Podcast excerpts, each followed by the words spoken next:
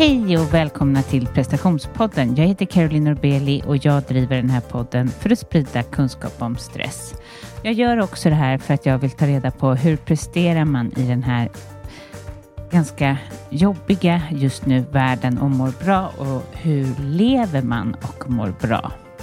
Vill du ha de bästa tipsen från mina gäster och kanske något från mig och kanske lite info om mina retreats eller annat så gå in på carolinorbeli.com.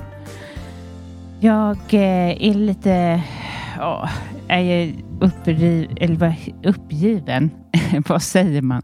Jag har bara haft en sån här dag som är så här krånglig, allt ifrån um, att jag kom, alltså små grejer började det med. Eh, liksom ska servera te till min kund, men liksom, tekannan funkar inte. Hon fick bara en halv kopp och eh, någonstans så kände jag att den här dagen skulle bli lite så, så jag orkar nästan inte göra någonting åt det.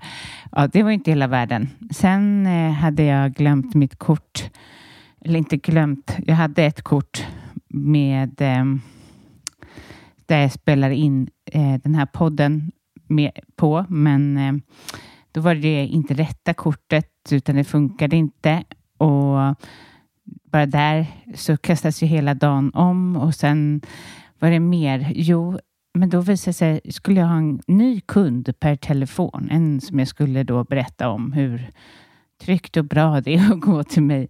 Men eh, då låg nätet nere och på Yogaman är det så tjocka väggar så det går inte ens att tala i telefon.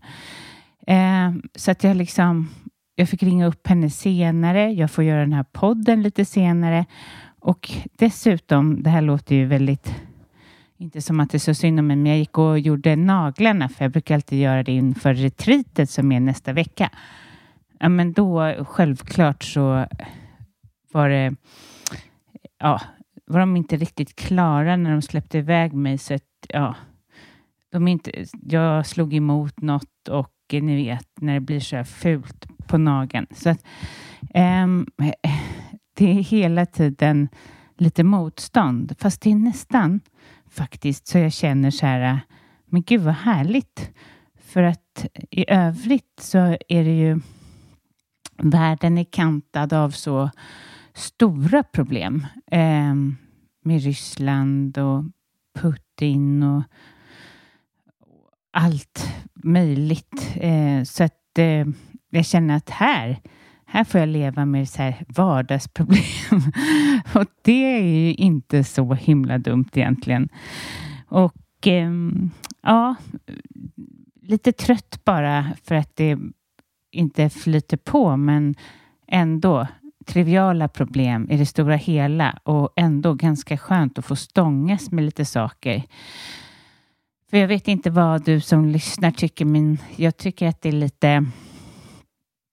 Det är på något sätt så här tungt eh, med såklart Ukraina, Ryssland, elpriser, räntor och allt vad vi, hela, ja, vad vi står inför. Men eh, det här med Ryssland och Ukraina känns ju lite som att det är periferin av mitt liv just nu. Till en början gick man ju in i det så mycket. Jag känner ihop pengar till Ukraina och allting, men nu så är det som att det händer. Det är mitt medvetande. Det är något som är tungt som händer ganska nära. Så man blir, så här, man blir slut och man blir slut av att att eh, man såklart måste tänka på sitt egna liv och, och att man ja, framstår som ganska ytlig då eftersom det finns ett stort behov ganska nära oss. Och, ja, det är lite svårt att förhålla sig. Men vet, och jag känner att jag kanske har gått och gruvat på det här ett tag, men nu har jag börjat tänka att jag måste, och det här kan komma som ett tips för dig som tänker som jag, att jag måste se så positiva saker för att vi matas så otroligt mycket med det här negativa. Eh, det är som att man inte vågar nästan gå in på eh, nyhetsapparna. jag försöker se så här, vad är det som har varit så positivt idag? positivt i min struliga dag. Eh, ja, just nu. Jo, men det som jag tyckte var positivt idag, det är faktiskt att solen tittar fram lite då och då och det är så otroligt härligt. Höstsolen är ju helt fantastisk. Så det har varit positivt. Det har varit positivt att jag har tagit en stund och gjort ordning mina fötter och mina händer och förberett mig för det här retreatet som ska komma nästa vecka. Så vad är positivt i ditt liv? Och känner du mycket så oro och så, så kan man ju gå in i vad är det och vad kommer det av och så. Men man kan också luta sig mot någonting väldigt härligt. Någonting där du känner dig trygg. Vad kan, vad kan göra dig trygg just nu? Jag tror att jag har kommit till att det har, har blivit den här dagen för att det är ofta självförvållat. Det är inte, jag tänker så här, okej, okay, det är inte tillfälligheter att nätet ligger nere idag och att jag tar fel kort och det inte funkar och så här, utan det är jag som som är så som en omvänd magnet för att jag förbereder det här retreatet och det är topp. Det liksom lägger sig som en topp över det vanliga jag gör.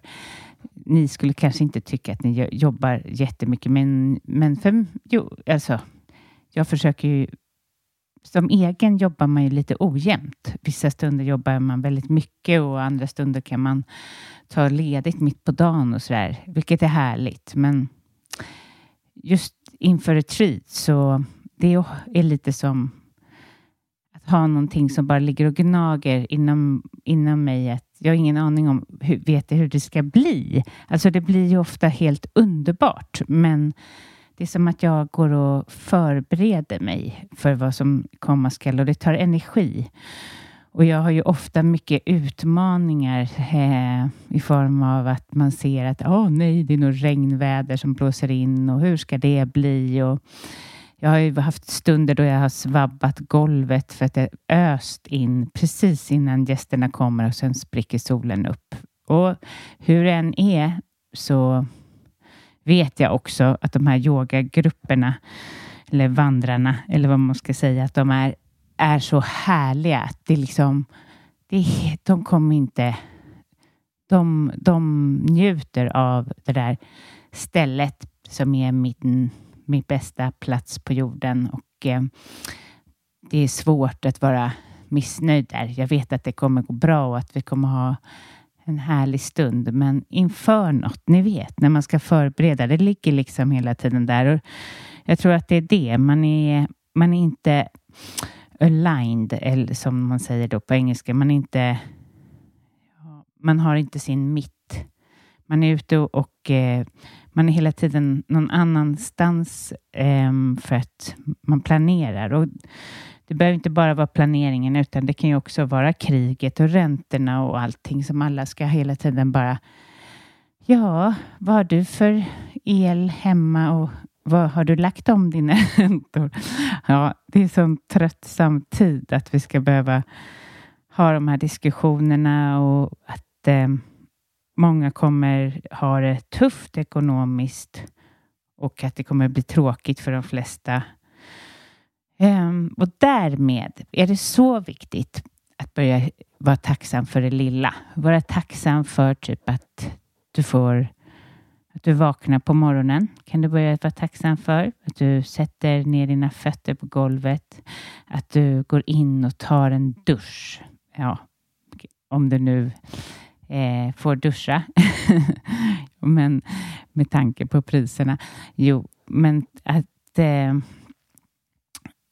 att börja tänka så. Att vara glad för att du har en kudde. Att vara glad för att du har kläder. Att du är glad för att du har barn. Att du är glad för att du har en kille. Att du har en flickvän. Eh, jag börjar, börjar liksom för det som du finner är självklart, börja känna tacksamhet. Det kommer vi behöva, tror jag, ett tag här framöver. Känna att yes, vad bra jag har det. Jag kan dricka vatten.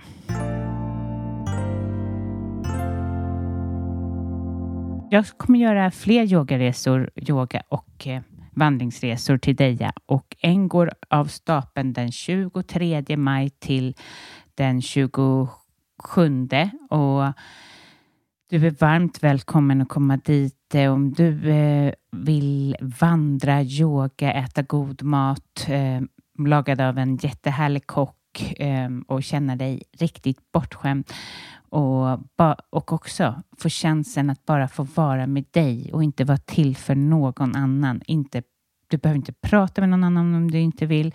Du behöver inte finnas till för någon annan än dig själv. Varmt välkommen att signa upp dig på carolinorbeli.com så skickar jag dig information. Och det kan du också göra fast eh, signa upp dig till min coaching om du skulle vara intresserad. Eh, Ja, eh, de som kommer till mig lider ofta av prestationskrav. Ehm, det är också så att de har hög stress i livet, tappat bort sig själva, jättebra på att prioritera allt och an annat än de själva. Um, ja, de har en önskan om att lägga ner mer tid på det som är roligt och um, om det här stämmer på dig och du känner att du vill göra förändring till att du kommer mer, bli mer dig själv och leva ett lätt lättare och gladare liv så kan du eh, signa upp på carolinorbeli.com.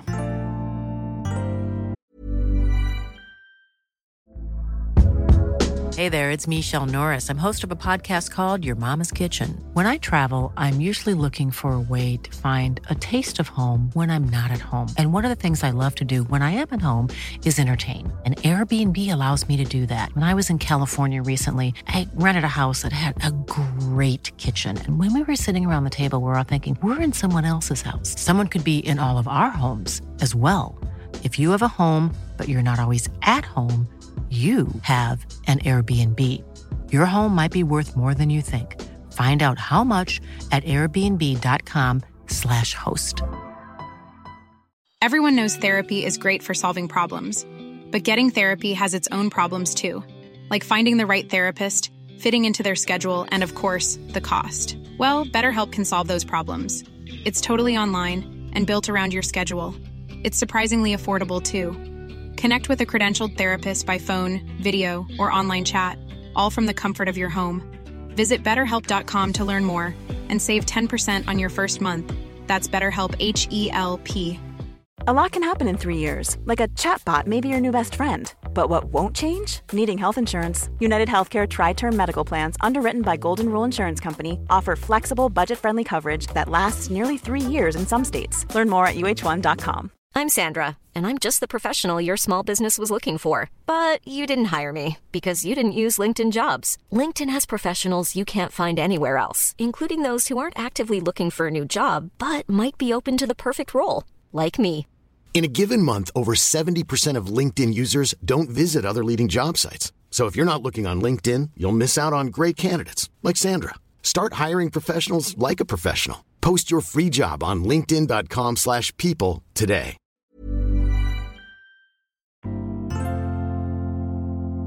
Till det här avsnittet har jag intervjuat Frida Boysen. Frida är författare, hon är journalist, hon är föreläsare, hon, har, hon är programledare och hon har gjort en massa saker och hon, nu är hon ute med en bok som heter Våga våga som hon skriver tillsammans med Kristina Hagström Lilvieska. Och Eh, jag intervjuar då Frida eh, om hennes liv, eh, om hennes olika böcker, men framför allt då så går vi in på just det här med att våga leva det liv man vill. Och den här boken finns det över 200 inspirerade tips och råd. Våga och våga alltså. Och vi pratar om dem i den här intervjun, så lyssna till Frida Boysen.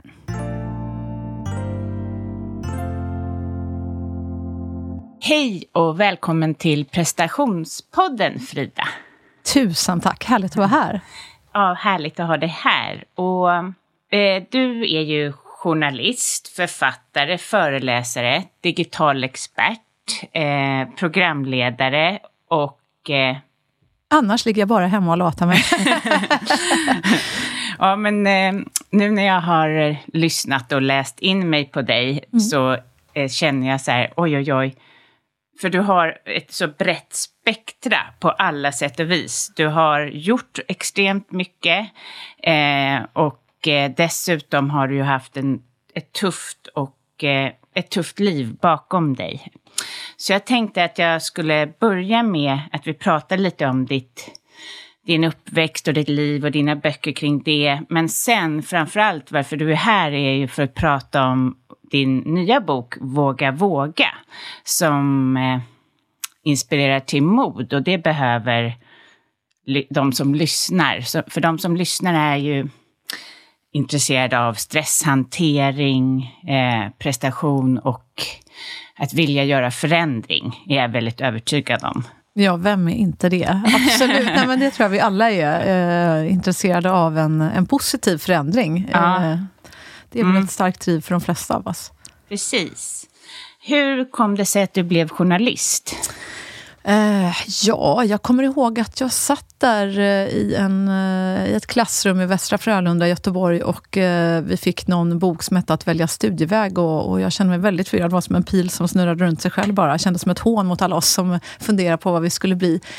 Men jag älskar ju att ehm, människor till att börja med. Alltså jag, är, jag är nyfiken på berättelser och, mm. och att berätta själv. Och, och, och, just det här att få till en berättelse som driver förändring. Att någon tänker så här, fan, eller ah, just Alltså att du sätter igång någonting hos en annan människa. Det, det tror jag är viktigt. Jag tror att den bästa berättelsen är när man inte berättar allt. Utan den som tar del av berättelsen kanske berättar halva berättelsen själv egentligen. Mm. Har det kommit tidigt till dig, det här skrivandet? Ja, men jag, jag älskade böcker när jag var liten. Jag älskade tidningar, jag älskade tv-program. Ehm, jag tyckte det var sjukt spännande. Så att jag, ehm, jag var nog en gigantisk konsument av all sorts media egentligen när jag var barn. Och eh, så skriva, det var ju, var ju som en dröm för mig när, när man fick eh, chansen i skolan att börja skriva. Ja, för att det är ju många som skriver böcker. Jag lyssnar in mig på mycket böcker i och med att jag intervjuar. Men du har ju verkligen förmågan att skriva och uttrycka dig. Alltså, du har ju den gåvan. Tack, vad ja. snäll du är. Ja, nej, men det är... Ja, vad ska man säga? Det är väl... Eh, ja, tuta och köra brukar jag säga. ja, det. ja, men, men alltså, eh, det var någon snäll eh, kvinna som igår när jag käkade lunch på ett lunchställe här i stan lutades fram och sa ja, ja, jag kan inte undgå att känna igen det. Jag måste bara säga, jag läste dina böcker och tack för din ärlighet, sa hon. Mm. Och um, jag tänker att det kanske är det. Mm. Att man försöker vara så ärlig som möjligt. Men du kan ju också ord, det här med orden. Ja, ja, det, det är, bara, ja, det är ja, både om du och. säger det så. ja, det är en kombination. Eh, och du har ju skrivit eh, böckerna Berätta aldrig det här och Du är inte längre min dotter. Eh, och de har ju blivit jättepopulära och fantastiska böcker. Hur, hur kom det sig, och de är ju väldigt utlämnande om din eh, historia. Hur kom mm. det sig att du ville skriva det? Ja, eh, ja den, den första eh, ja, handlar ju, börjar ju väldigt ja, mitt i, i mina livs största kriser verkligen med att eh, ja, det är mors dag. Eh, ja, jag, mm. jag missar att ringa min mamma och, och, och gratulera henne. Och när jag väl ringer henne lite senare på dagen så svarar hon inte. Och nästa dag ringer de från hennes jobb i Göteborg och är oroliga för att hon inte har kommit till jobbet. Hon är aldrig sen. Och jag får direkt en väldigt otäck känsla eftersom jag tänkte att hon blir nog fruktansvärt sur nu när inte jag ringer och grattar henne på mors dag förrän ja, jag har missat mm. hennes samtal. Och jag får direkt känslan att hon har tagit livet av sig. Och... Um, Ja, blir förstås... Eh, ja, det, det, ja, kårar längs med ryggraden, ringer 112, ber dem att de måste skynda sig, att det kan handla om minuter. Alltså hon kanske ligger där inne och kämpar för sitt liv, tänker jag. Och de tar mig på allvar och går in i hennes lägenhet och jag sitter eh, länge, länge, flera timmar och bara håller handen med min man vid köksbordet. Och eh, eftersom jag är journalist just så har jag ju ofta varit i kontakt med larmcentralen. Och jag ringer flera gånger och jag, jag riktigt känner att det är något som är väldigt fel för att det tar alldeles för lång tid för dem att återkomma till mig. Det är som att de ser något där på skärmen som de inte säger till mig. Och till slut ringer du en polisinspektör och, och säger att min mamma är död. Och eh, vi slänger oss i bilen, hämtar lilla dottern på vägen som är bara två år. Och eh, kommer till slut in i mammas lägenhet och när jag går in i hennes sovrum och drar ut eh, lådan i skrivbordet där så hittar jag då ett kuvert där det står Frida, nu fick du som du ville. Och det är helt otroligt. Helt eh, fruktansvärt förstås. Så, eh, jag tror inte det är sant, jag fattar ingenting. Alltså mamma och jag var ju otroligt tajta under hela min uppväxt. Ja. Hon var liksom världens bästa mamma när jag var liten. Så det här var ju ja, helt, helt fruktansvärt. Och eh, Lars kommer in, jag, jag skriker nog till och, och, han eh, får det här brevet och blir också helt vit i ansiktet och säger att det här är helt fruktansvärt. Jag ringer min pappa. Han, eh, ja, jag berättar vad som har hänt och han han säger, Frida, en viktig sak nu. Jag vet att du skriver om allt, berättar om allt, men inte det här. Nu måste du tänka på din dotter. Det handlar inte om dig längre, utan hon är förvisso väldigt ung. Nummer ett vad det blir hon tonåring och du vet hur tonåringar är. De går på tuffa smällar i livet. Tänk om hon också gör det. Tänk om hon tänker, mormor gjorde det ju, kanske ska jag också. Så mm. vad du än gör, berätta aldrig det här. Och det gör inte jag och håller den här eh, hemligheter inom mig då i 13 år. Det är Lars som vet, min man och min bästa kompis. Men inte ens våra barn. Tills då en dag när vi sitter där vid frukostbordet och Tilda då är tonåring. Och eh, hon berättar med tårar i ögonen hur en av hennes bästa kompisar på stallets stora syskon har tagit livet av sig. Och hon är helt förkrossad. Tilda och bara gråter och säger men jag fattar inte hur man kan göra så här mot sin familj. Och, vad ska jag göra? Vad ska jag säga? Och jag, jag tänker när jag ser på henne att hon, hon vet ingenting om sin egen historia, om mig och ja, bla bla. Så att då berättar jag och eh, de bara kastar sig om mig, barnen, och säger att ja, varför har du inte berättat? Och, ja, det väl det långa svaret på din fråga, men det är därför jag väljer att berätta. Alltså när jag väl har berättat för barnen, för det var ju för deras skull jag då inte berättade, som jag hade lovat pappa. Mm. Så, eh, nej så kände jag att de har ju rätt. Alltså barn är ju mm. det klokaste vi har, tycker jag. Ja, de nosar ändå... De, jag tror att de tar reda på sanning på ett eller annat sätt. Eller så anar de någonting konstigt. Och det kan bli värre att bära. Det är min... Jag menar inte att man måste ja, men säga allt, dig. men mm. sådana där riktiga trauman. Och ska vi gå och bära dem i tysthet, det vet ens barn. Och det är lite att förminska dem, kan jag tycka. Ja, jag håller med dig. Jag tror att eh, ofta menar vi väl som vuxna när vi ja. vill skydda barn från liksom obehagliga sanningar eller uh, ja, trauman, mord, uh, plötslig död, allt vad det nu kan vara, uh, övergrepp. men jag tror vi gör barnen otjänst då. För det mm. som du säger, de känner ju såklart att något är fel. Och det hade ju mina barn såklart också känt. Man har frågat många gånger, vad var det som hände med mormor? Vad var det cancer? Nej.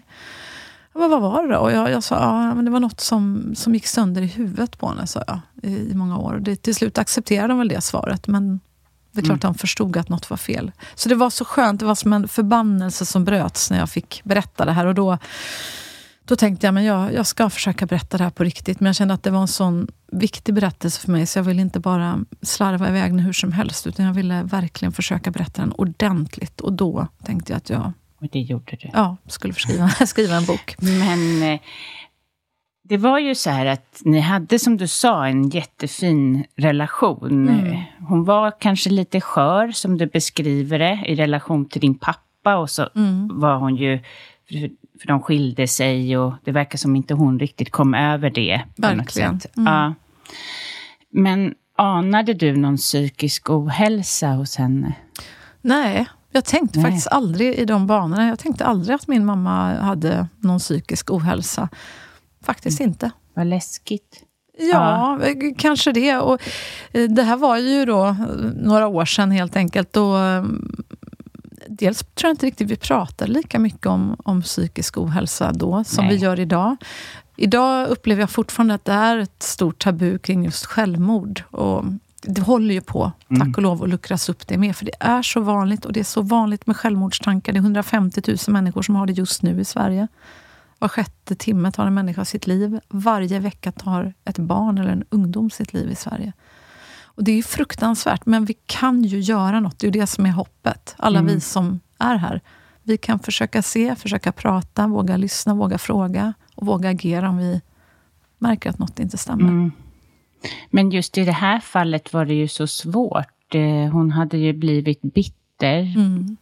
Och, men, men inte mer än så, som man upplever det i boken. Nej, precis. Jag pratar om det här bittermolnet som jag kände som var som ett mörkt moln över henne. Mm. Men sista året eh, så eh, kom det ut nästan som Tourettes när vi pratade på telefon. Ofta var ju hon i Göteborg och jag i Stockholm då. Men hon, det som kom ut, hon menade säkert att vara kärleksfull och omtänksam, men det som kom ut var väldiga elakheter. Alltså det var ord som “jag tycker synd om Tilda som har en mamma som du”. Och jag bara, men varför säger du så? Alltså det är fruktansvärt att säga så. Alltså det är hjärta i bröstet. Och hon bara, ah, nej men jag gör det. Jag tycker verkligen synd om henne. Jag bara, men varför det? Jag älskar väl henne mest i världen. Jag kramar henne. Jag, vi har suttit här och sjungit och läst sagor och vi badade. Vad, vad är det jag gör som är så fel?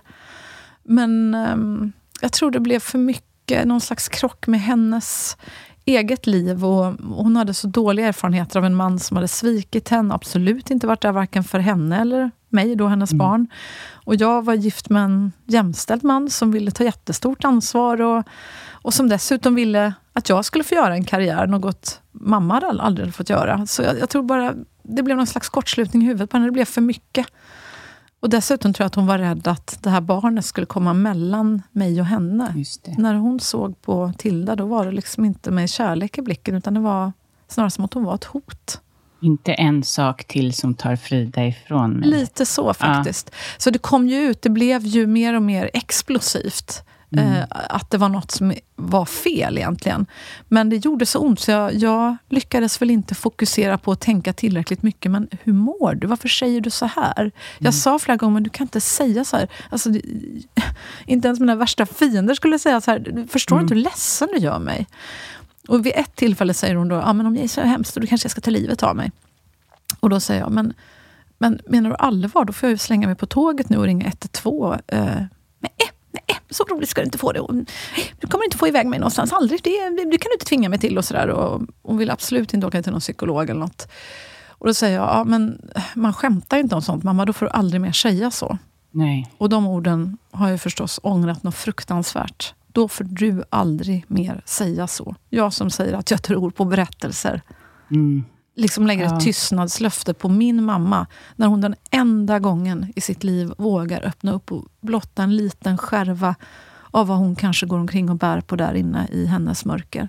Det, det gör mig fruktansvärt ledsen i, än idag när jag tänker på det. Och, Fast å andra sidan kan det ju vara lite felriktat att säga det just till dig, som är hennes barn. Men att hon, det hade ju varit bra med en psykolog eller en, någon annan. Absolut, men, ja. men samtidigt så önskar jag att jag hade haft jag bättre verktyg. Och det är det jag tänker att jag kan ju inte ändra det som mm. hände. Det är helt omöjligt, det har jag förstås önskat så många gånger, men det går ju inte. Men det jag kan göra är ju just att berätta om det här.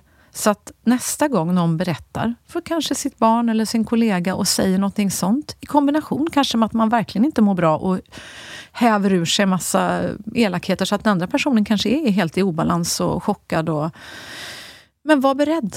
Var beredd mm. på att en människa säger, men då kanske jag ska ta livet av mig, om jag är så himla besvärlig och jobbig och elak och dum. Vad gör man då? Då, säger man, hmm, är det så? Funderar du på det? Och, och, så, eh, och lyssna. Är det så att du, du har ett mörker? Det är ju vanligt med, med självmordstankar. Det är många som har det. Har du också det? Och lyssna på svaret. Ta det mm. lugnt. Mm. Och det är inget farligt. Jag har pratat med så många suicidpreventionsexperter mm. idag, så idag är jag bättre rustad. Och försök luska ut lite mer. Säg, hur tänker du då? Mm. Har du tänkt på hur det ska gå till? Och då kanske människan säger, ja, ja jag har ju, som min mamma, hon hade fått piller för att kunna sova. Så, så, då kanske hon hade sagt, ja men jag har ju piller. Då kan man ju säga, ja, men vet du vad? Jag tycker ju om dig så himla mycket och jag skulle sakna dig så mycket om du inte fanns. Försöka förklara det, försöka störa de felaktiga tankar som en människa som är i det mörkret har. Mm. Det vill säga att man tänker, det är ingen som vill ha mig här. Det är säkert någon annan som har en bättre podd än mig, eller skriver roligare böcker, eller mm. gör bättre journalistik. Eller vad man nu går omkring och tänker, och tänker att men det är ingen som vill ha mig här. Herregud, barnen skulle ha det bättre om jag inte fanns. Eller vad man nu går omkring med för hemska tankar i huvudet. Mm. Stör dem. Så att jag skulle sakna dig så mycket om du inte finns. Jag skulle det. Och, så, och därför skulle jag vilja åka hem till dig nu faktiskt. Och, och, och prata med dig. Och så när man kommer dit, säg jag, jag, vill, jag vill ta hand om de där tabletterna. Mm. Så att det inte händer någonting. För nu har du berättat det här för mig. Och um, säg, nu tycker jag att vi åker. Nu tycker jag vi åker tillsammans och, och träffar ett proffs och pratar med. Jag kan följa med dig. Jag kan sitta utanför eller följa med in om du vill. Men kände du då att du gav för lite tid till din mamma i det ögonblicket då? Eller inte i ögonblicket, men hade du nonchalerat henne? Har du den känslan? Um, jag tror att hon kände att hon inte var tillräckligt viktig. Att hon mm. inte kände sig inkluderad. Jag tycker ju att jag försökte inkludera henne många gånger. Jag mm. tror faktiskt det var vårt sista samtal, så sa jag men mamma, ska du inte flytta hit då? Flytta hit till Stockholm istället. Så ja. blir det inte så dramatiskt när vi ses. För hon hade så otroligt höga förväntningar. Och blev det inte exakt som hon hade tänkt sig, då blev det ja, jättestora scener och anklagelser om att, det, att jag hon inte var viktig. Det var något museum vi skulle till som hade stängt. Det var såklart en måndag. Och jag hade bara glömt bort att just det, museet har ju stängt på måndagar. Och då blev det liksom värsta krisen. Och ja, då, då betydde hon ju ingenting för mig. Jag bara, men det är klart att du gör. Men hon var ju inte i balans. Jag förstår det nu. Jag förstod mm. inte det då. Så det spelar liksom ingen roll hur många gånger jag sa men jag älskar dig mamma, men snälla säg inte såna här saker. Jag blir så himla ledsen. Hon hörde inte den första delen. Det var som att hon kunde inte höra. Hon kunde inte se att jag sa, men flytta hit. Det gick inte in. Hon tog inte emot det.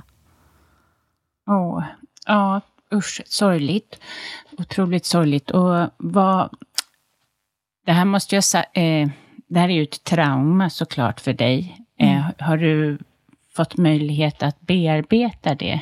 Förutom att du skriver då? Ja, det är ju ett väldigt bra tips mm. till, till andra som lyssnar som kanske också har trauman. För jag vet ju nu när jag har skrivit den här boken och det är väl, ja, eller de här två böckerna också, mm. Du är inte längre min dotter. Mm. Det är väl bortåt en kvarts miljon människor tror jag, Sverige, som har läst de här, eller lyssnat ja, på de här böckerna nu. Otroligt. Så det är många, många, många som har hört av sig till mig och sagt, nu har du berättat för mig, nu ska jag berätta för dig. Och jag vet hur många det är som bär på trauman av olika slag. Mm. Eh, så att skriva är ett bra tips, skulle jag vilja säga till eh, dig som lyssnar, om du inte känner att du riktigt har bearbetat. Det behöver inte alltid bli en bok, men det är bara skönt, för det är som att du har berättat för någon. Mm. När du har berättat det en mm. gång i skrift. Eh, men jag försökte ju, jag, jag, när jag var i min värsta kris där i början så eh, insåg jag att jag behövde hjälp. Så jag, så jag googlade, som man gör, på psykolog, trauma, sorg, kris. Eh, eh och kom till en psykolog och började försöka haspla ur med den här berättelsen. Och, och, och hon avbryter mig ganska snabbt och säger så här, du, jag tror inte vi kommer någon vart här. Så hon, nu får du lita på mig, vad du behöver är tröst. Du behöver liksom vaggas, du vet hur barn är när man börjar ska vagga dem. Och så, där. så, så fick jag hålla i två plastgrejer i händerna och sen så liksom bara... Zzzt, zzzt, och sen började de skicka elstötar på mig. Och jag kände mig inte dugg lugnad eller trygg av det. Jag blev bara livrädd och spratt till varenda gång. Nervsystemet är ju redan aktiverat när man har en trauma. Det skulle vara jättejobbigt för mig. Eller Ja, ja det, för, för mig funkar det absolut ja. inte. Jag, jag bara kände, aj, det här känns... Ja, jag började, började gråta och tänkte, men hur sjuk i huvudet är jag när man börjar köra så här? Jag vill ju bara berätta. Uh, så det sprack ju då kan man säga. Jag hörde av mig till henne direkt efteråt och sa att jag tänker inte komma tillbaka till dig. Det här funkar inte för mig. Den som räddade mig lite grann, förutom min man som var fantastisk och kramade mig och var där och allting, men det var en kompis till oss, Ida Thunberg, hennes mamma Anita Thunberg i Degerfors. Eh, lärare som precis hade skolat om sig till präst. Hon ringde mig den här dagen när det hände och sa att hon visste inte riktigt vad som hade hänt mer än att min mamma hade dött väldigt hastigt. Och så eh, säger att eh, Frida, ring mig om det är så att du vill prata. När som helst. Dag eller natt spelar ingen roll. När som helst. Och jag kommer att tänka på hennes ord eh, liksom någon vecka senare när jag är i eh, ett fruktansvärt mörker själv och bara känner att jag har mördat min mamma. Ja, det, det är så det känns. Så jag bara mm. kan inte släppa de här tankarna. Och det, jag kan inte andas längre. Eh, och då ringer jag henne och, eh, och hon, hon bara lyssnar i flera timmar och är helt underbar. Hon pratar ingenting om Gud eller Jesus eller någonting, men bara är där som en medmänniska och räddar livet på mig, känns det som. Mm, vad fint. Ja, det är nog... Det är härligt. Det är härligt att präster finns. Man glömmer ju det lite. Precis, men det, ja, det, det, är en anledning till att jag är kvar i Svenska kyrkan. Jag är inte religiös egentligen, men jag tycker att det, den insats präster gör just som medmänniskor också för medmänniskor som inte alltid har så mycket pengar. Ibland är det människor som hör av sig till mig och berättar att de har inte råd att gå till Nej. dyra terapeuter som kostar flera tusentals kronor mm. faktiskt i timmen ibland. Och, um, det är ju hemskt att det ska vara en fråga om pengar. Och det är långa köer ofta om man söker hjälp eh, mm. eh, inom vården för, för just psykisk hälsa. Och då brukar jag tipsa om det ibland, ifall de har fastnat i en vårdkö. Att, men har du provat en präst? prova. Det finns ju både 112, att man kan ringa och få prata med jourhavande präst, men man kan också söka upp en kyrka, församling, ring och fråga. Har ni tid med mig? Får jag prata med en människa jag är i en kris? De, de är ofta väldigt bra. Och då utan att... Eh, men Mindler är ju bra. Absolut. Jag har mm. jobbat mycket med Mindler. Vi kom mm. också i kontakt med varandra efter den här boken. Som, ja, jag kom i kontakt med många olika både mm, organisationer och människor. Men de kan jag verkligen också rekommendera, ja. för det är ju ett kostnadseffektivt sätt och ett snabbt sätt att snabbt få hjälp. Speciellt om man är i den krisen och ja, så inte har råd. Det är precis. jättebra. Men de, för då får man ju videomöten med, med psykologer som mm. är superproffsiga förstås. Som ja, men vilken psykolog som helst helt enkelt. Det är bara att det är ett videomöte istället. Och ja, kostar en hundralapp tror jag. Lite drygt. Ja. Eller 100 eller 150 spänn. Ja. Uh, och jag vet, de har också en fysisk mottagning på Kungsholmen i, i Stockholm. Och det, det, är klart, då blir det ju helt andra priser. Och det, det, jag tycker det ska inte vara en fråga om pengar om man kan få hjälp. Nej. Psykisk hälsa är lika farligt som fysisk hälsa. Nästan farligare faktiskt. Det är ju den vanligaste dödsorsaken i flera ålders, åldersgrupper i vårt land idag. Ändå är det som att vi inte ger det tillräckligt med resurser. There's never been a faster or easier way to start your weight loss journey than with plush care. PlushCare accepts most insurance plans and gives you online access to board-certified physicians who can prescribe FDA-approved weight loss medications like Wigovi and Zepbound for those who qualify.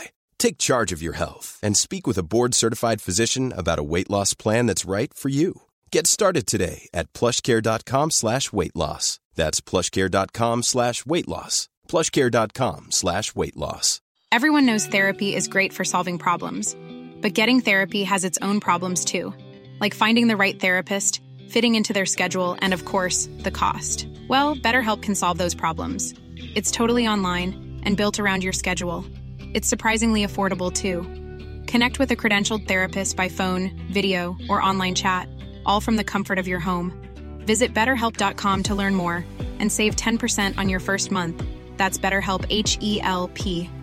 Hiring for your small business? If you're not looking for professionals on LinkedIn, you're looking in the wrong place. That's like looking for your car keys in a fish tank.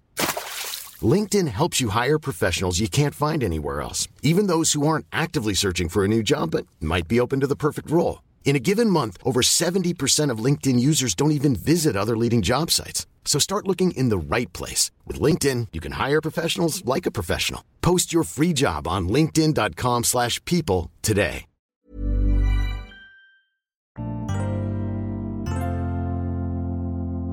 Jag hörde att självmord, i den förra intervjun jag gjorde, att självmord är mer, alltså, det är ett vanligare sätt att dö på än i krig. Mm, ja, ja. ja.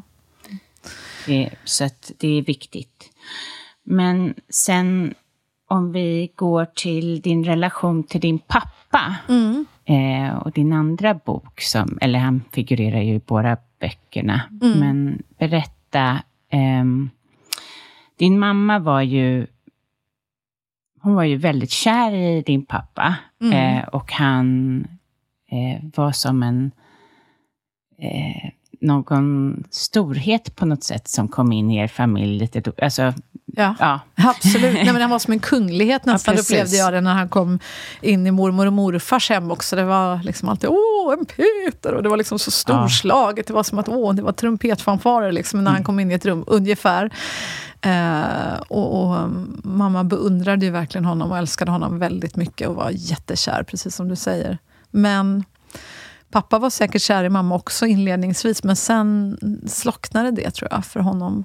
Eh, och det blev ju hennes ja, största krislivet. Hon kom aldrig över det, hur han ja, svek henne eh, och eh, lämnade henne. Han gjorde det två gånger också. Precis. Först så, ja, första gången var när jag var bara en liten bebis. Jag var inte ett år fyllda. Och, ja, hon ville åka hem till eh, mamma och pappa över sommaren liksom, i Sverige. Men han ville ut i Europa och ha lite kul och liksom, race omkring på uh, autobahn. Och hon tyckte liksom, en nyfödd bebis, nej. Och då åkte han och Ja, skulle iväg ändå. Eh, Och, eh, ja, och, och hon hittar också strumpbyxor som inte är hennes under sängen och sådär. Så att, eh, ja, det, då drar hon helt enkelt. Eh, och sen återförenas de när jag är fem år gammal. Eh, och för mig och mamma är det ju här liksom den största drömmen. Vi ska få bli en riktig familj igen. En sån där gyllene treenighet som i alla sagor på den tiden. Eh, Eh, men eh, det blir ju ingen lycklig saga, utan så fort vi blir den här gyllene treenigheten så släpper vi ju in våldet i vårt hem, som fram till dess har varit väldigt tryggt och kärleksfullt mellan mamma och mig. Vi hade ju vi hade en alldeles underbar liten enhet, bara vi två.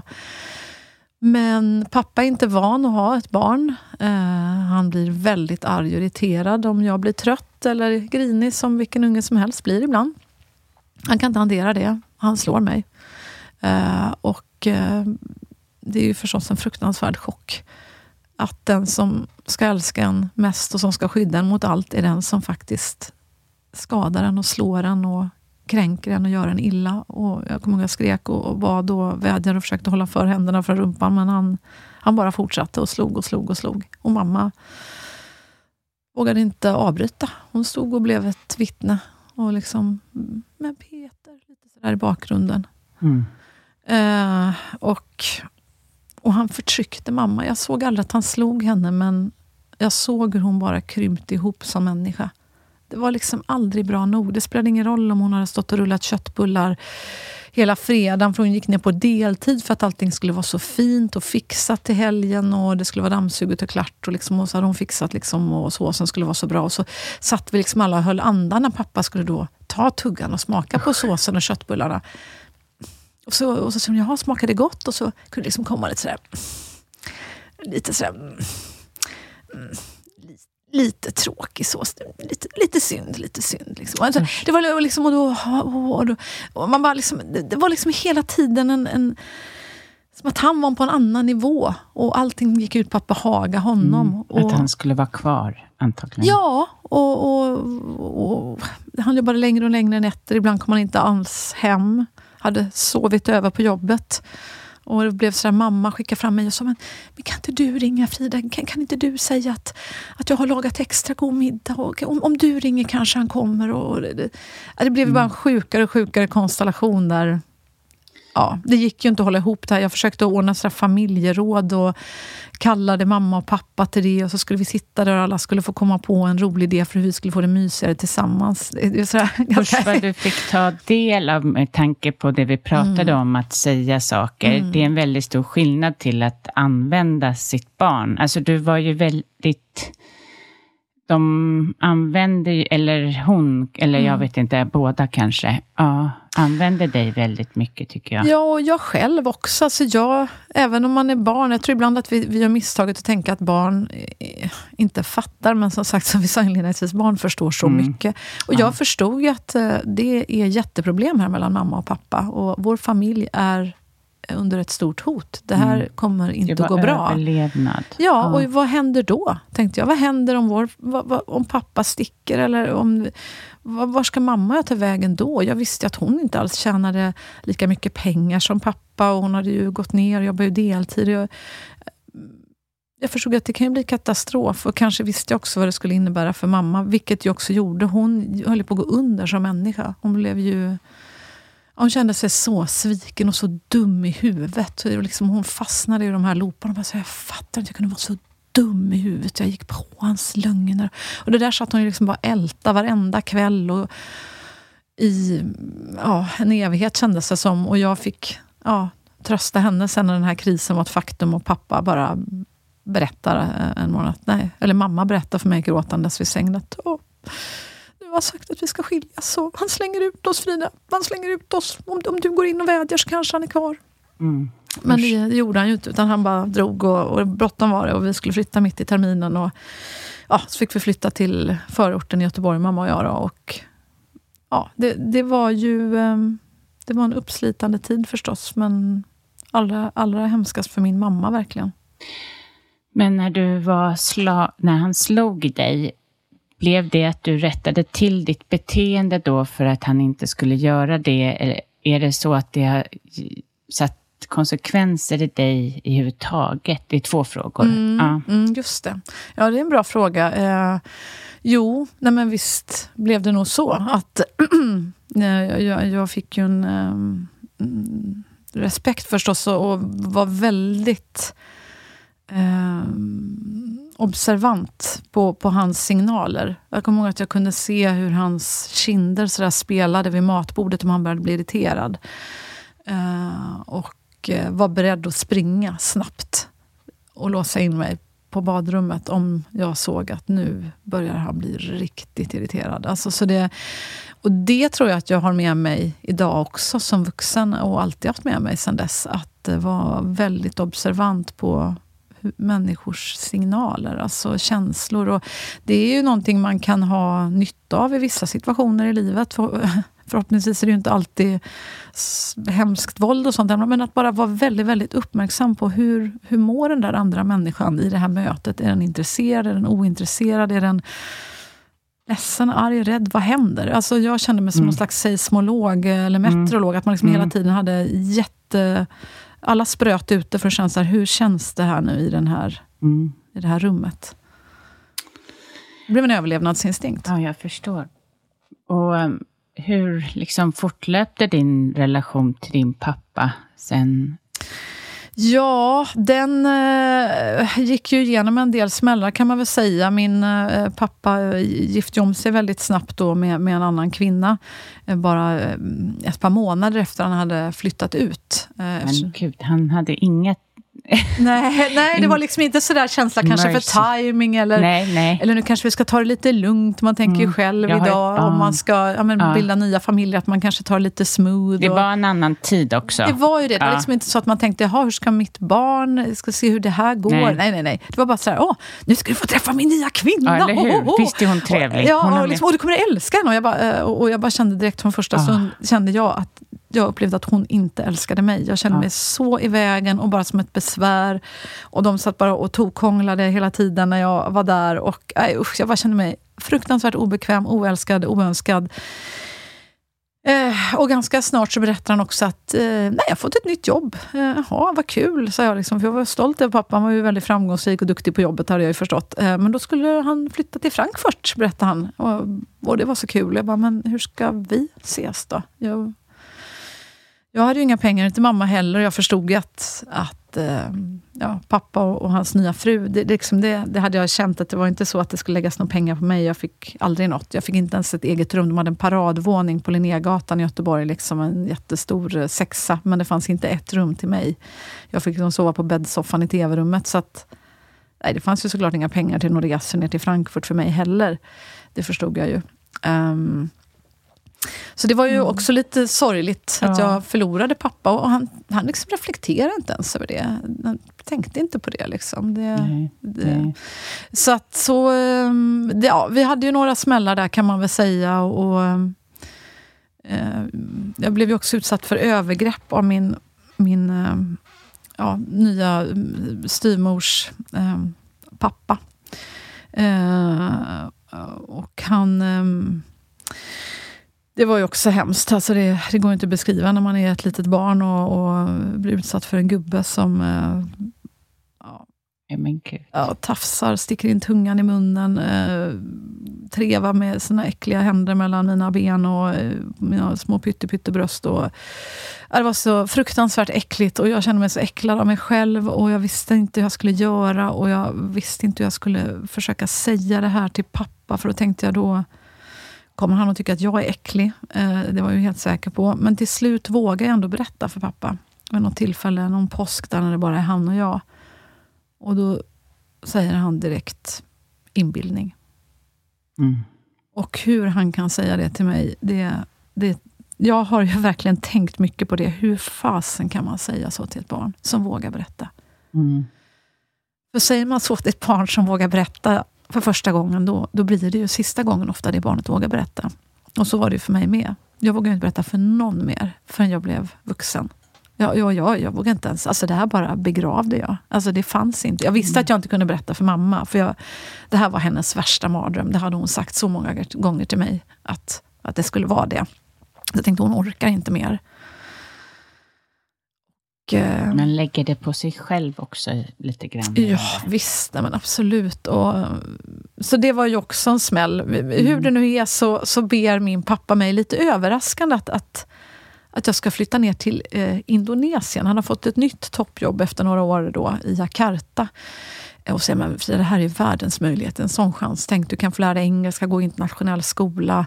Det är klart du ska hit, det är ju tropikerna, palmer, vi, vi, vi har pool i trädgården. Och jag bara, men vill ni verkligen att jag ska komma? Och han bara, ja, ja. Jag bara, men hur blir det med din fru då? Han bara, ja men nej, men hon kommer inte ha tid. Alltså, hon kommer inte märka det, hon har så mycket för sig. Och, eh, och det blir ju då, jag kommer ner eh, och det blir, som blir ett fantastiskt himmelrike på, på skolan och jätteroligt, precis som man beskriver. Eh, men hemma är det verkligen ett helvete. Alltså det är alldeles för mycket alkohol. Ehm, de har ju väldigt mycket pengar då i, och eh, privatchaufför. Pappa behöver inte vara nykter för att komma till jobbet.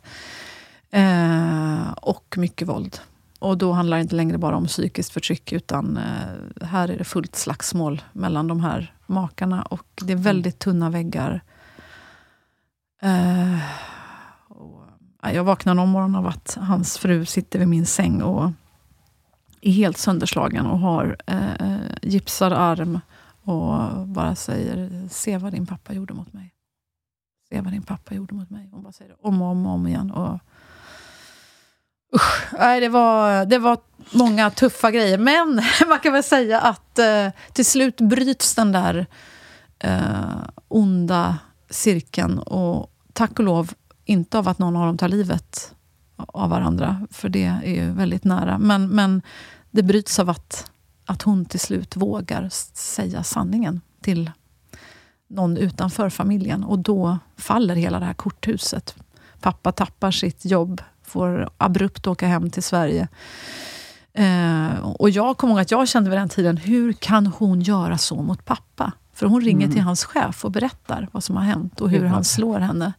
Och det går ju såklart inte att eh, Eh, man vill inte ha en sån representant för sitt företag, en man som slår sin fru. Det kan man ju verkligen förstå. Så de gör ju det enda rätta då, och kallar hem sin chef till Sverige och ger honom ett tomt skrivbord i princip. Och, eh, ja, eh, och sen kan man ju tänka i efterhand att han, han hade nog väldigt tuffa order. Att inte ha någonting att göra egentligen, utan bara en formellt jobb, men ingenting. Mm. Det är egentligen det värsta man kan göra tror jag, mot en arbetsnarkoman som han var. Mm. Men men det räddar ju livet på dem och jag tror det bryter den här våldsspiralen som de är i, vilket ju är fantastiskt.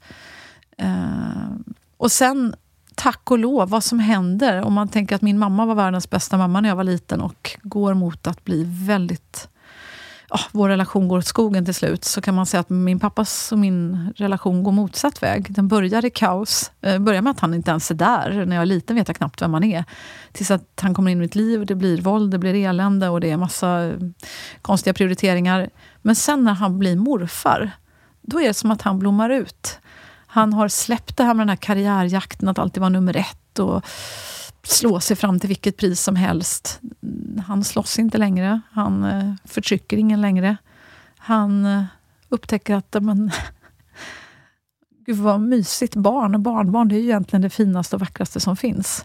Eh, och vill bli en bra morfar. Så vi försonas kan man ju verkligen säga mm. när han blir morfar. Och han blir en väldigt fin morfar till våra barn. Så att, det måste vara läkande. Fantastiskt. Och det tycker jag är väldigt hoppfullt också. Och sen förstår jag när jag har pratat med läsare så att andra som har liknande erfarenheter att man, man kan inte alltid förlåta. Det är svårt. Eh, och det, det är ju ingenting man kan kräva av någon. Men, men gör man det, då, då finns det ju mycket fint att, att vinna om man vill ge en människa en andra chans. Härligt. Mm. Men när jag lyssnar på det här så funderar jag, i och med att det här, den här podden ja, handlar ju mycket om jag startade ju den här för att sprida kunskap om stress och eh, för att utmattning har blivit så stort. Har mm. du haft perioder av utmattning i ditt liv? Nej, jag, jag har däremot eh, nära vänner som verkligen har varit utmattade. Och jag har mm. vänner nu som är utmattade, så jag, mm. jag vet mm. hur det är, tror jag. Så, så väl man kan veta det om man mm. inte själv har varit med ja. om det.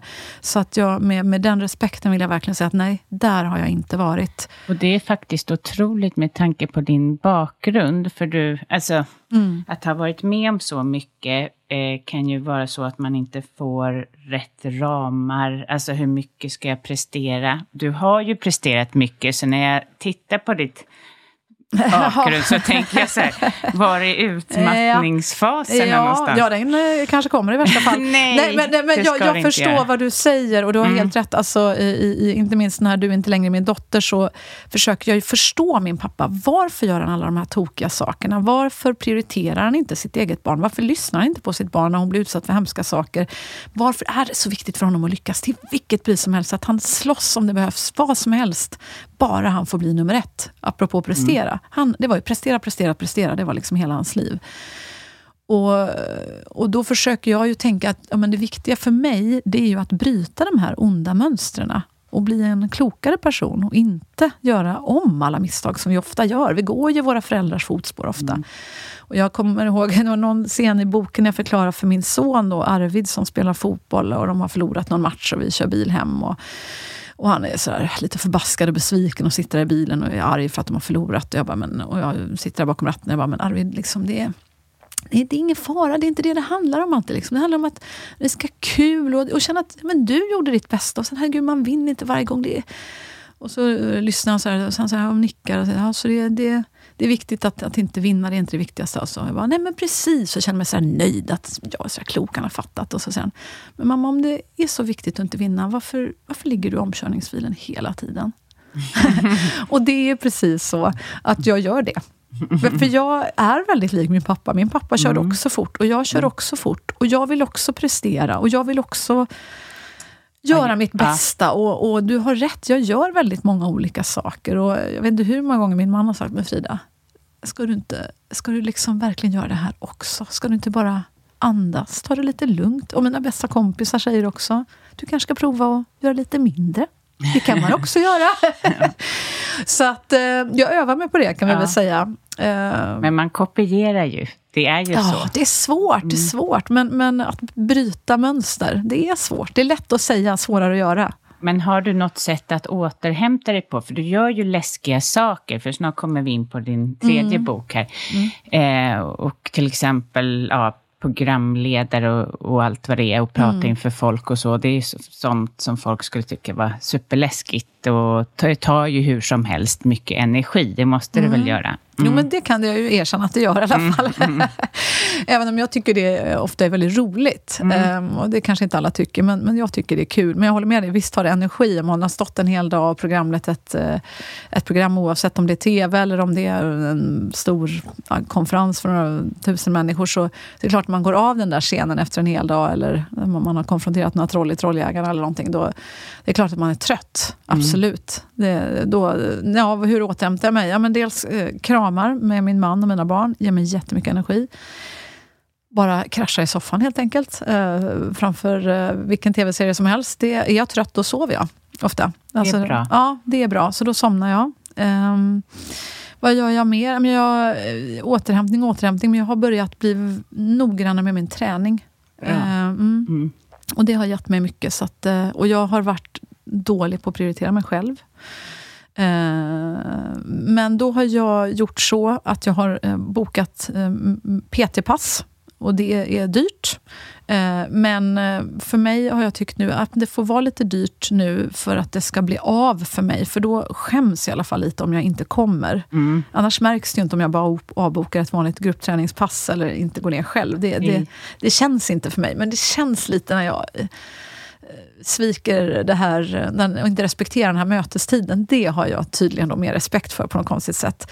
Så att eh, det har varit bra för mig. Eh, Aha, det är mm. jättebra. Ja, för givet din historia så är det ju inte konstigt att du har inte så lätt för att prioritera dig själv när du har varit mm. ute och scannat dina olika föräldrar, styvmödrar. Mm. Ja. Och sen sång också. Ja, just det. jag sjunger eh, och mm. Eh, har en, en flygel hemma faktiskt, som jag älskar väldigt mycket. Och eh, att sätta mig vid den, sjunga från hjärtat, smäktande ballader eller vad som helst, det är också Det mycket... finns nog inget bättre. Nej, det för mig är det verkligen mindfulness. Att liksom bara vara här och nu, gå in i den här sången, den här känslan. Och ja, förmedla den och låta den komma ut. Då, då då finns det inte plats för andra tankar, utan det är bara, bara där. Even when we're on a budget we still deserve nice things. Quince is a place to scoop up stunning high-end goods for 50 to 80% less than similar brands.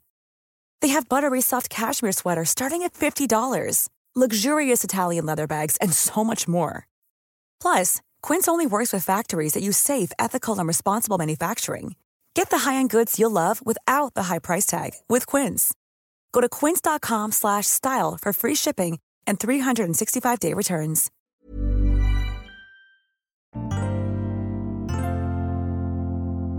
Om vi kommer till din bok Våga våga. Mm. Mm. Eh, berätta, varför skrev ni den? Ja, det är ju då jag och Kristina Hagström Elevska som har mm. skrivit mm. den. Och, eh, nej, men jag fick ju väldigt många frågor efter att ha skrivit eh, Berätta aldrig det här och du är inte längre min dotter. Att oh, Du som har gått igenom allt det här, hur kan du vara så glad? Mm. hur hittar du energi att göra alla de här grejerna? Eh, och då började jag fundera på det. Vad är egentligen svaren? Hur, hur har det gått till egentligen? Vad är det? Vad är det för motor och vad är det för nycklar som gör att det här drivet framåt finns? Och hur gör man egentligen för att nå sina mål? Och finns det, finns det smartare sätt och måste man göra just som jag? Eller finns det andra sätt? Hur gör man för att våga? För jag, jag upplever att det ofta är modet som kommer i vägen för folk att faktiskt få förändring och bli av. Jag tycker det här med förändring är väldigt spännande. Eh, och Kristina hon kommer från en annan, eh, eh hon har en annan erfarenhet med sig. Medan jag tror att jag är bra på det här, eh, det som man kanske tänker ofta är mod. Att man vågar resa sig upp inför en publik, säga sin mening, skriva en krönika, men du vet, säga något, stå upp. Eh, så ett annat sorts mod, det är ju det här modet att våga följa sina egna drömmar. Att våga vara metodisk också. Att om man har bestämt sig för en sak inte ge upp, utan envist fortsätta. Och Kristina hon är, hon är väldigt mycket duktigare än vad jag är på just metodik. Jag är ingen vidare uthållig person egentligen. Jag vill att det ska gå snabbt. Och ställa mig upp, agera nu. Eh, hon är mycket bättre på eh, en, en kontinuerlig plan. Så eftersom vi kommer från så olika världar eh, så tänkte jag att det kanske är kul att göra det här ihop. Så vi har lärt oss väldigt mycket av varandra också tror jag, under den här resan. Gud vad härligt. Ja, ja och eh, hur ska man våga göra förändring? Alltså, jag kan tänka mig de som lyssnar, de kan ju vara kanske varit utmattade eller de lever i hög stress. De kanske behöver lämna sitt jobb egentligen. Ältar på i samma roll. Ja, mm. eh. ja eh, det... Jag tror när man är utmattad och, och så, så, så handlar det väl kanske mycket om, om först, innan man ska orka hitta den här energin till att våga, men, men först det här med acceptans, och det här kan du säkert mycket bättre än jag. Mm. Tidsfönster och bara unna sig och acceptera läget på något vis. Men om man känner att man har lite mer eh, ja, mark under fötterna och kanske mår lite bättre, att man orkar liksom nu, nu jag börjar jag bli redo här att börja tänka framåt. Så tänker jag att, att börja våga drömma och hitta sina inre drivkrafter. Börja tänka tillbaka. Vad var det jag tyckte var riktigt roligt när jag var liten? Alltså ställa sig sådana frågor. Eller mm. Vi har massa olika övningar och tips i, i uh, Våga våga som, som sätter igång hjärnan lite grann på ett positivt sätt. Det kan ju exempelvis vara, jag kan ju göra en liten övning med dig här nu då. Jag vet inte mm. om du har tjuvläst boken mm. än, men, men en övning den är ju exempelvis som jag ber dig beskriva ett djur du beundrar och vilka tre egenskaper som gör att du beundrar det här djuret. Vad skulle du välja för djur och vad är det för tre egenskaper, och det är viktigt, som det här djuret har? Jag skulle välja katt. Mm. Um, och det är att den är egensinnig, inte till för andra. Uh, den är, är fantastisk på återhämtning. Mm. Um, Ja, och eh, smidig. Just det. Mm. Och, och, det som är så intressant med att lyssna på de här svaren, det är ju att det egentligen beskriver inte bara kattens egenskaper som du älskar, utan vilka värderingar som är viktiga för dig. Dina mm. värderingar egentligen. Mm. Eller hur? För jag menar, om jag hade sagt katt, då kanske jag hade sagt helt andra egenskaper som katten har. Mm. Men du väljer ju exempelvis att den är så bra på återhämtning. Eller mm. hur? Mm. Och det är den ju. Den är ju mm. fantastisk på återhämtning. Mm. Så, de ligger ju där på ett ja, sätt som man... All, ja. Exakt, som man kan avundas och ja. snurrar in sig och ser så himla fridfulla och mm. lugna ut. De kan ligga och sova hela dagarna. Mm. Och bara, vadå? Jag ligger här och sover. Stör mm. mig inte, tack. Mm. och det är ju jättehärligt. Och, mm. och, så det är en väldigt fin genväg in i ditt hjärta. Mm. För att hitta sina värderingar tror jag är väldigt viktigt. För det är ju egentligen värderingarna som styr alla beslut i våra liv. Ja. Och när vi tar beslut som krockar med våra värderingar, det är då vi inte mår bra. Det är då det liksom Exakt. Det är så, jag jobbar ju som coach och jag ja. börjar varje, varje första gång får de eh, uppgifter att ta reda på genom massa frågor vad de, hur de, om de lever efter sina värderingar. Ah. För gör man inte det mm. så mår man inte bra. Exakt, mm. precis så. Ja. Ja, spännande. Ja. Har inte du någon liten spännande du kan tisa mig med då? Någon övning. Eller det kanske tar typ en hel podd till, ja, men ja, det är inte bara ja. något sånt där som man kan eh, bränna no. av. Nej, jag förstår. Nej, nu är jag så fokuserad ja, jag på förstår, dig jag här. Förstår. Men, men det är i alla fall, jag, jag ja. tror att du gör ju helt eh, rätt där. För det, och, och, vi, har, eh, ja, men vi har som sagt en massa olika metoder. Vi har något som vi, vi, vi kallar för eh, munken också, för just att se sitt nuläge. Mm. Eh, och, och vi, vi, har ju plöjt diverse lyckoforskning och, och, och så vidare för att komma fram vad är det egentligen som gör en människa välmående? Eh, och, och, har då hittat eh, M som är meningsfullhet. Eh, det är viktigt att man känner mening med sitt liv, eller hur? Och, och, och, U som är utveckling. Att man känner att man kommer framåt, att man får göra nya saker, lära nytt. Mm. Det är liksom mänsklighetens motor. Mm. Och en som är närhet. Att man känner att man har en närhet till en annan människa och sig själv. Att man kan få bolla viktiga nära frågor. Och kroppskontakt, alltså få känna närhet. Har man ingen närhet till en annan människa, då, då känns det ofta inte riktigt bra. Och så den sista K då, munken, eh, är ju då kontroll. Känner du att du har kontroll i ditt liv? Eh, och så då en skala 0 till 10 på alla de här. Och, och munken är i mitten en, en nolla och längst ut en tia. Och får mm. du en liksom riktigt eh, perfekt munk, då, då, så att säga. men vem har ett perfekt liv? Då är det ju en liksom stor och härlig eh, rund munk. Men annars mm. så kanske den är liksom lite naggad i kanten rejält någonstans. Och är det en väldigt stor diskrepans mellan vart du vill vara och vart du är, då kan det vara bra att bara kartlägga det. Och vad är det då? Är det kontrollen? Och det, vad som kan påverka kontrollen? Ja, det kan ju vara att någon är sjuk hemma exempelvis. Någon i din familj. Eller du har en chef som inte lyssnar dig, inte förstår dig och, och ja, men då funkar liksom ingenting. Det känns, då går liksom ingenting. Så, så ta tag i det då. Mm. Det finns massa såna eh, tips och tics, tricks på hur man kan liksom hitta vad är det som egentligen skaver. Vad är det jag vill och hur kan jag få ner de här drömmarna och visionerna och värdeorden på, på, på inspirerande mm, vision walls eller så för att eh, påminna mig om vart jag är på väg jag tror att det är så många som... Du lever ju verkligen ut vad du önskar och vill och drömmar och mm. det verkar ju du ha naturligt. Ibland undrar jag om det är lätt, alltså om man kommer med, från en bakgrund där man har haft det inte helt perfekt, Mm. då på något sätt har man ju alltid har man varit i någonting som är att man har inte så mycket att förlora. Mm. Man kör. Men sitter man där mätt och präktigt och har de här nystryckta lakanen och alltså så här, Mm. då är det inte lika lätt att vara så modig. Jag har bara observerat mina kunder i den. Eh, Ja. Nej, men jag tror du har gjort en klok observation. Jag, jag, jag tänker också det att ja, men liksom det värsta har redan hänt. Exakt. Vad, vad, Ja. ja. men so what? Brukar Ja. jag ju tänka. Ja, men vad är det värsta som kan Ja. hända? Alltså allvarligt talat, ja, om jag ställer mig på en scen och råkar säga fel. Ja, vad är det värsta som hända? Ja, men det är att någon skrattar eller någon himlar med ögonen, någon tycker jag är dum i huvudet. Ja, förlåt. Det är kul om de får skratta. Då. Vi skrattar för lite i det här landet. Det är, det är bara bra. Eh, och om någon tycker jag är dum, ja då kanske de känner sig bättre själva. Då fick de känna sig lite bra och begåvade. Och, och, det, det, det, då får jag säga förlåt om jag har gjort fel. Självklart gör jag det. Och jag vill ju göra rätt, men alla gör vi fel någon gång. Alltså det, så det, det, det, jag tror det är det som du säger, att, att jag har varit med om värre liksom, än att jag råkar säga fel. Eller att någon skrattar åt mig. Det, jag, jag bjuder på det. Det är helt okej. liksom. det, det finns värre saker. Underbart. Men ehm, varför tror du att andra människor... Alltså jag tror att de inte riktigt lever ut på det sättet på många... Alltså så. Vi begränsar oss så mycket. Absolut, det gör vi jättemycket.